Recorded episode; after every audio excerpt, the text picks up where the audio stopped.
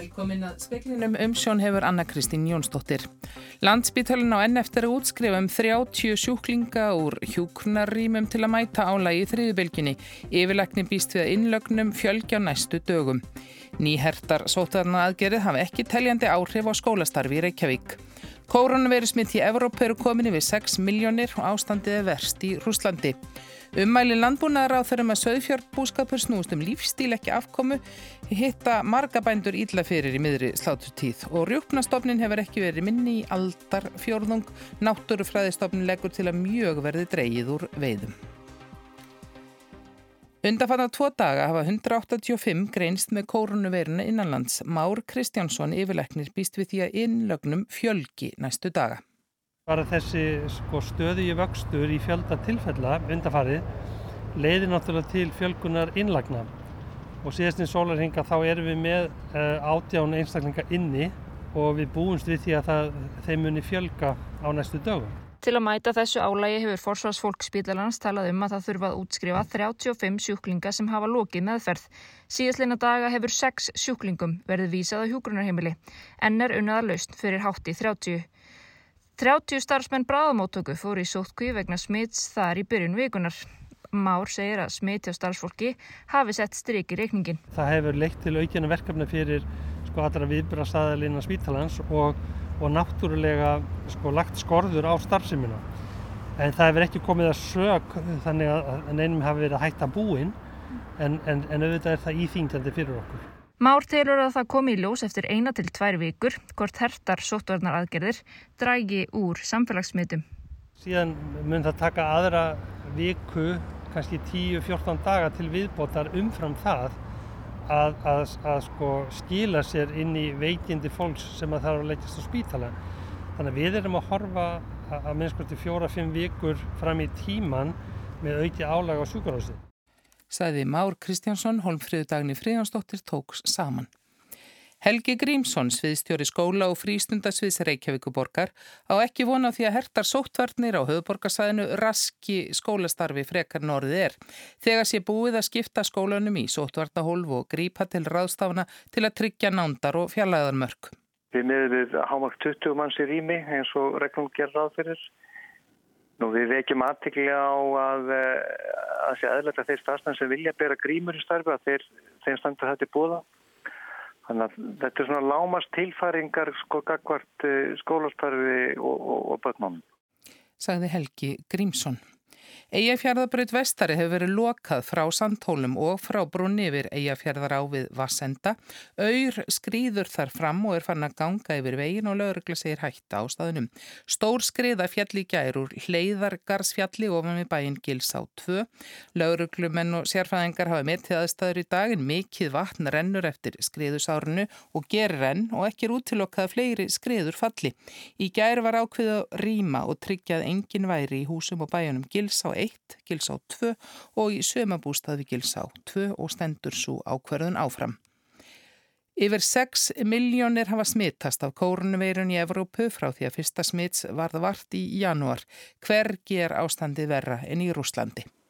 Þetta er samkvæmt upplýsingum sem AFP fréttastofan heldur utanum.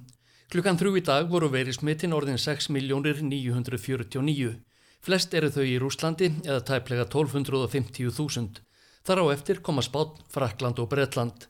Heimsfaraldurinn hefur dreigið tæplega 238.000 Evrópu búa til dauða samkvæmt góknum AFP.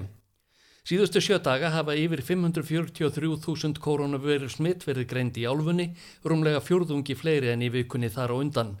Það kann að skýrast af því að sífælt fleiri eru skimaðir fyrir veirunni, þar á meðal í Fraklandi. Þar fer yfir ein miljón landsmanna í skimun í hverju viku um þessar mundir. Víða hefur verið greipið til hertra aðgerða að undan förnu til að draga úr útbreðslunni. Börum og kaffihúsum í Brussel verður til að mynda lokað frá með morgundeginum til 8. november. Fyrir vikunni greipu yfirvöld í París til sama ráðs. Áskeir Tómasson saði frá. Félagsmenn í 5 af 6 stjættarfélagum hjá Ríó Tinto í Strömsvík samþyktu verkvælsbóðun með miklum meiri hluta. Það voru félagsmenn hjá, í félagi Rafindavirkja, félagi Íslenskara Rafvirkja, FIT, Vaffem og Hlívar og hefjast í skæruverkvæl þeirra í næstu viku. Félagar í Vaff R feldu hins vegar bóðun verkvæls. Forstjóri vegagerðarna segir að ný skýrsla síni að það malbygg sem lagt var á nokkra vegkabla í höfuborgin í sumar stóðst ekki kröfur sem gerðar voru í útbóði. Ekki hefur tekin ákverðunum það hvort málið verður kært. Síni úr nýlöðu malbyggi á Kjalanesi voru sendileg rannsóknar í sumar eftir að tveir létust í umferðarslýsi á vegkablanum. Fyrstu niðurstöru voru byrtar í gær. Þar kemur fram að Malbyggið hafi kvorki staðist kröfur um holrýmt nýja viðnám.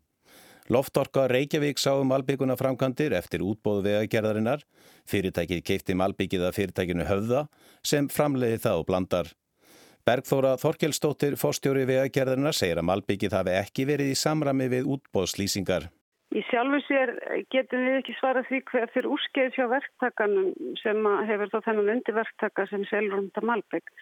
Við gerum almennar kröfur til Malbyggs til vörunar, getum við sagt, í útbóðinu, útbóðslýsingunni og það er það sem við erum að mæla, hvort við fengum þá veru afhenda eða ekki. Það sem við vorum að fá var bara ekki það sem við vorum byggðið um. Ásberg K. Ingólfsson, framkvæmdastjóri höfða, saðist í samtalaði fréttastofi í gæri að ekki hefði orðið miðsprestur í þeirra framleyslu og að hún hefði uppfyllt þær kröfur sem komu fram í útbóðsgögnum. Andrés Sigursson, framkvæmdastjóri Loftorku í Reykjavík, vildi ekki tjásu um álið að svo stöttu. Bergþóra segir að stopnunin vinn nú á því að yfirfara alla verkferðla út frá niðurstöðu skíslunar og hvernig eftirliti með verktökum verði háttaði framtíðinni. Hún segir að engin ákvörun hafi verið tekin um að kæra málið. Það er sjálf og sér ekki megin markmið okkar, uh, hérna, megin markmið er náttúrulega bæta fjarilinn sem við erum að vinna með, en það hefur hins vegar engin afstæð verið tekin til þess. Þetta er, við erum bara í þessum úrvinnslufasa. Saði Bergþóra Þorkelsdóttir, höskuldur Kári Skram tók saman. Fjallað verður um þetta mál og almennt um ástand vega á landinu í kveik annað kvöld. Framkvæmdastjóri landsamtaka söðfjórbænda segir vond. Ef landbúnaða ráð þeirra hefur þá tilfinningu fyrir búgreinni að menn líti ekki á sig sem alvöru atvinnureikandur. Ummæli Kristján Þós Júlíssonar landbúnaðar á þeirra á alþingi í gær. Þess efnis að söðfjórbændur telji margir að söðfjórrækt snúist um lífstíl en ekki afkomu hafa vakið hörð viðbrauð. Bændasamtöku Íslands segja alvarlegt mál ef ráþæra fylgist það ítla með þróun mála að hann telji réttmætt að kalla atvinnugreinina einhvers konar áhuga mál. Það lýsi kannski best áhuga leysi ráþærans á málafloknum. Þá gaggrina landssamtök söðfjórbænda ummælinn harlega. Það er bara vond að ráþæra skuli hafa þessa tilfinningu fyrir búgreininni að menn líti ekkert á sig sem alvöru atvinnureikandur. Segir Unsteit Snorri Snorrason, framkvæmdastjóri landsamtaka söðfjórbænda bændir eru, sko, þetta hittir á mjög illa fyrir, þetta er miður í sláturtíð og, og eru svona að sjá árangur núna af, af rekstir ásins, þannig að þetta voru glæm skilabóð til okkar bænda á þessum tíma. Það þekki allir erfið að stöðu söðfjörbænda og samtökinn hafi kallað eftir viðbröðum stjórnvalda til að bæta starfsumhverfi greinarinnar. Þessi ummali síni að það þurfa að ebla það samtal frekar. Saði Ulla Árdal sem talaði við Unstein Snorra Snorrason.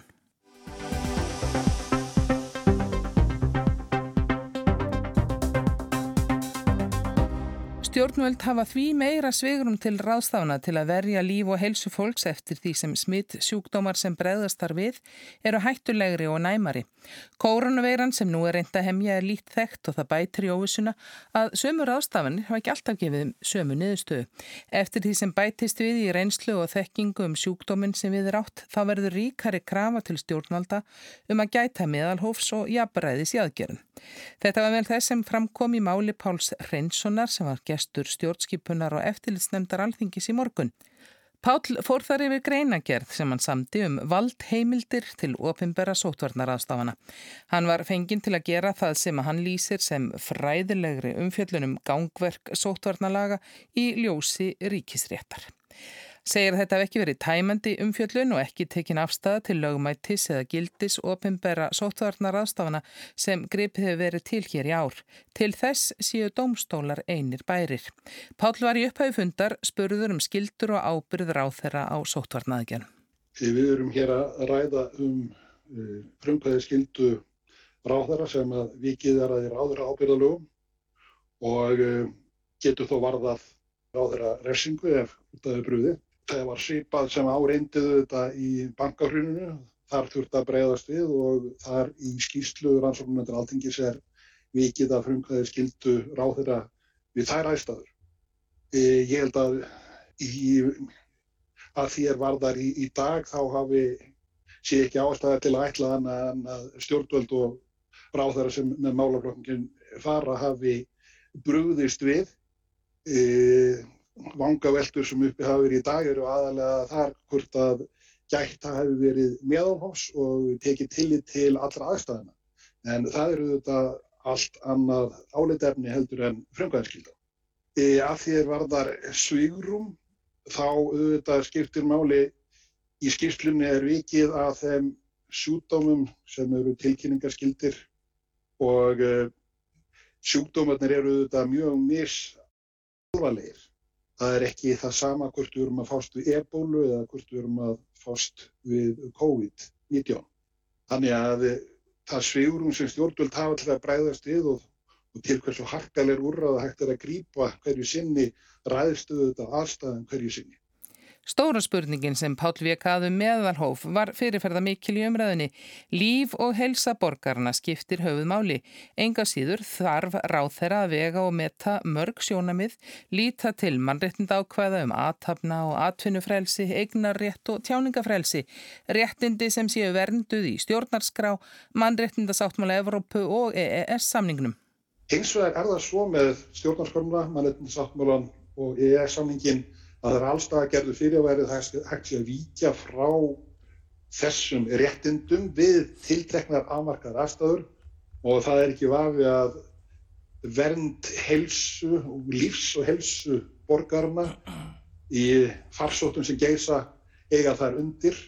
En þar eins og ég kem nánar á eftir þar gildir þá og skiptir mestu að gætt sé meðalhóls ekki sé gengið lengra ferju sinni heldur en þarfur á til þess að venda lífa helsu borgarna. En þegar kemur að meðalhófstareglunni segir Páll að meðalhófið og mat á aðgerðum kannski það erfiðasta fyrir ráð þeirra þegar kemur að því að taka ákvarðanir um sóttvarnaraðstafanir. Ganga aldrei lengra en þörfur á og beit ekki úrraði sem gripir til af meiri hörku en efnistanda til. Það sem gerir það einstaklega flókið er fyrsta lagi hvað við þekkjum lítið e, þennan vírus sem smittsjúdóm sem við erum að fást og í öðru lagi svo staðrind að við svipaðar aðstæður hafa sömur ástafunir ekki alltaf komið eins út. Þannig það er mjög erfitt að rekna út hvaða rástafunir eru nægilega hverju sinni. Þetta gerir allt mat og því hvort vægari úrræði hefur komið til greina og hvort hægt hefur að stilla ákveðnum úrræðum upp á vægar í hátt, þetta verður alveg gríðarlega erfitt. En ráðherra auðvitað er skilt að vega þá hagsmunni annars vegar sem hann er að venda, það er að segja svolítið hagsmunni og hins vegar þá hagsmunni sem í húfi eru hverju sinni sem byggna á og reyna að fara þar auðvitað ákveðinu millivel og ganga aldrei lengra en þörfir á. Vandin við þessar sótarnarafstofanir og hvað gengur illa að hemja þennan smittsjúkdóm er að sömur ástafinir hafa í fyrstu bylgu og í annari bylgu ekki endilega virkað eins. Og þess vegna er svo erfitt að meta hvenar eru vægari úræði tiltak.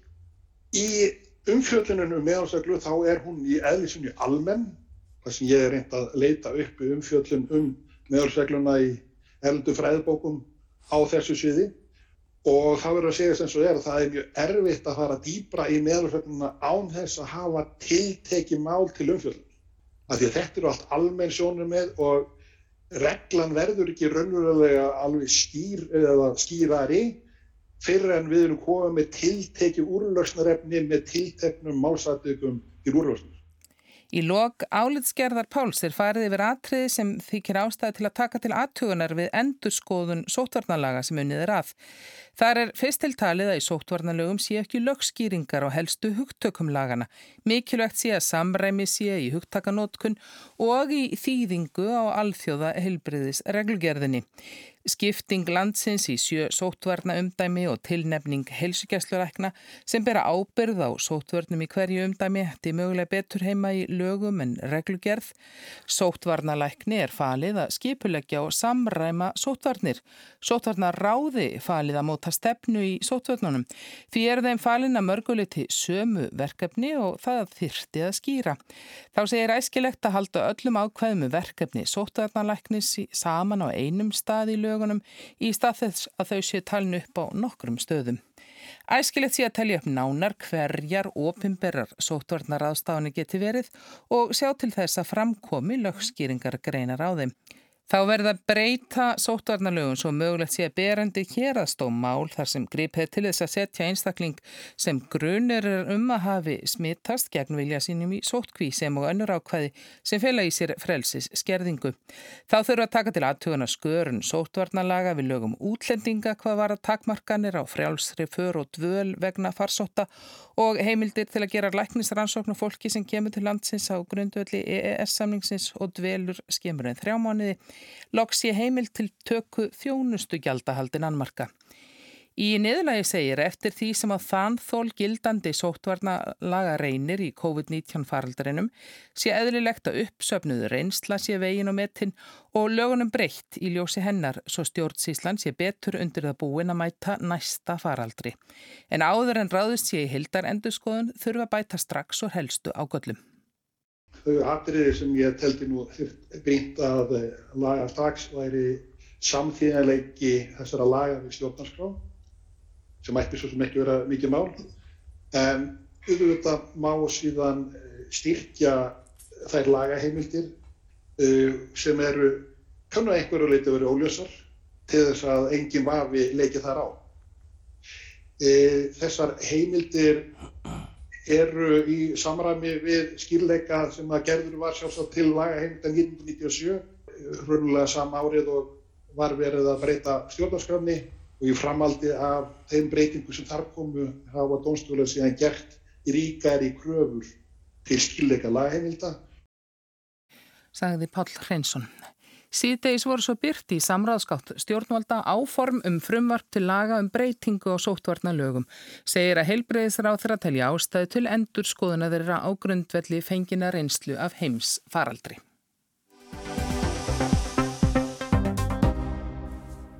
Náttúrufræðistofnun metur að rjúpnastofnin þóli að veitarverði 25.000 rjúpur í haust. Í fyrra hljóðið ráðgjöfin upp á rúmlega 70.000 fuggla. Ef þessi ráðgjöf gengur eftir þýður hún að ráðulög veiði er 5 fugglar á hvern veiðimann. Það stittist í rjúpnaveiði tíðanbilið. Það hefst fyrsta nógumber og fjöldi veiðdaga verður vantar að sá sam og í fyrra alls 22. Fyrsti nógumber er á sunnudegi, þá er heimilt að veiða sunnudag, mánudag og þriðudag. Aðrar helgar má veiða förstudag, laugardag, sunnudag, mánudag og þriðudag. Samkúmulega er um að veiðanum verði haga á þennan hátt í ár og á næsta ári nema eitthvað óvænt komi ljós, umhverfis og öðlindar á þeirra og umhverfistofnun eigi eftir að fara við stöðuna og gefa út endanlega veiðitíma. En staðan á rjóknarstofnunum er ekkert sérstaklega góð um þessar myndir. Hann er í niðursveiflu um allt Norðurland, á Östurlandi er hann að rýsa á lámarki, á Suðvesturlandi er staðastofnsins hins vera ágætt. Stofnun er líka í vexti á vestjörðum. Viðkoma rjúpunar á Norðurlandi eða Norðausturlandi var afleita mati náttúrufræðistofnar, megin skýringin er óveðri sem gekk yfir um miðjan júli í sumar. Það gekk yfir allt á Norðurland og þess vegna telur náttúrufæðistofnun að ástandir uppnastofnsins sé ekki gott allt frá strandasíslu í vestri og austur í norðu þingiðarsíslu. Náttúrufæðistofnun hefur metið veiðþól rjúpnarstofnsins og ráleikur að veiðin verðum 25.000 fugglar eða stofnið þvóli þann eða 10% af veiði stofnunum.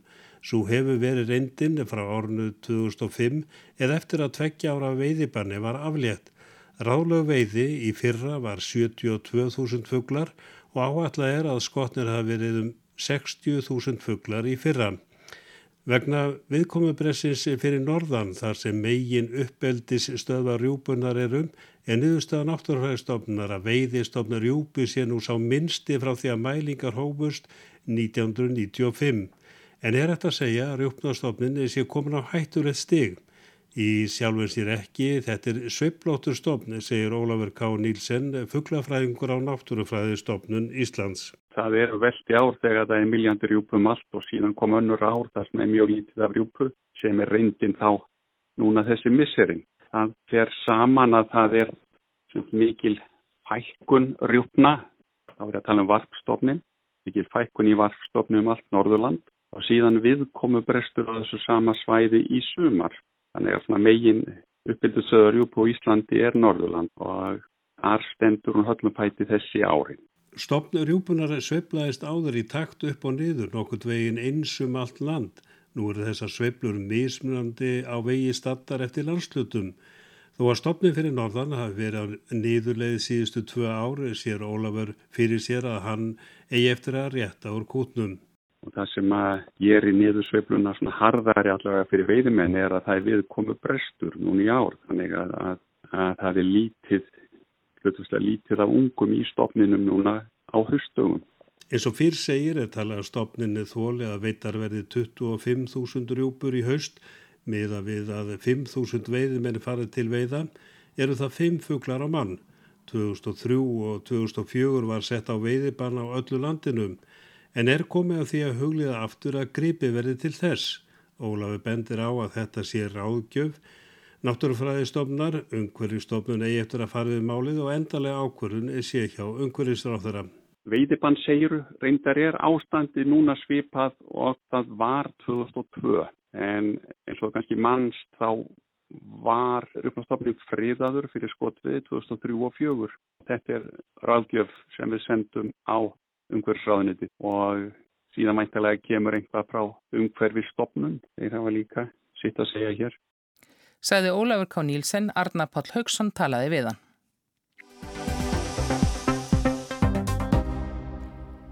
Ríkistjórn jafnamanna í Svítjóð gæti á næstunni neðist til að setja lög sem veikja stöðu stjættarfélaga en slíkt gengi þvert flestu því sem flokkurinn stendur fyrir. Vinstri flokkurinn hótar að fella stjórnundir fórstu jafnamanna en hægri flokkarnir hafa líst sig reyðubúna til að kominu til bjargar. Allt vegna umdeildra breytinga á vinnulögjulandsins, breytinga sem sömur segja marki endalók sænska módelsins. Það virðist margt öfugsnóið í stjórnmálum hér í Svíþjóð þessi misserinn. Eftir þingkostningarnar fyrir tveimur árum varð laung stjórnarkreppa aðalega vegna þess að svíþjóðardemokrater, flokkur sem engin annar flokkur vill vinna með, fekk hátt í 15 atkvæða og því korki hægri nýje vinstir í blokkin með meiri hluta á þingi. Þessi óvinnilega staða hefur fætt af sér mörg undarleg afkvæmi til að mynda stjórn jafnaðarmanna og græningja sem varin er falli af þremur flokkum Tveir þeirra, frjálslindir og miðjuflokkurinn, eru hægriflokkar og hafa mátt þóla miklar kárínur fyrir að styðja stjórnina. Flokkarnir tveir fengu þó líka nokkuð fyrir sinn snúð. Og þar komum við að því sem kannski er undarlegasta afkvæmi stjórnarkrepunar. Breytingum á vinnumarkaðslaugjöf sem ríkistjórninni hugnast alls ekki en gæti þó neyðist til að gera. Svíjar hafa lengi guðmað af sérstöku sænsku mótili þegar kemur að vinnumarkaðnum, hefð sem rekja má allt aftur til loka fjörða áratugurins. Hún felur í sér að það eru aðilar vinnumarkaðarins, stjættarfélög og atvinnureikandur sem ákveða hvernig honum er háttað, semjum laun, réttindi og skildur og svo framvegis, en stjórnmálinn koma helst hverki næri. Hér í Svíþjóð er talað um að þetta sé eina af ástæðum þess hver lítið sé um átök á sænskum vinnumarkaði. Og þótt laun hér í Svíþjóð séu talsvert lagri en í Danmörku eða Noregi, hvað þá á Íslandi, þá nýtur starfsfólk hér margskonar réttinda, sérstaklega þegar kemur að uppsögnum sem eru mörgum Íslendingum kannski framandi. Þannig er hér í gildi reglan síðastur inn, fyrstur út. Það er að segja þegar fólki er sagt upp störfum þarf að fara eftir starfsaldri. Sá sem er með stistan starfsaldur er látin fara fyrstur og svo koll af kolli.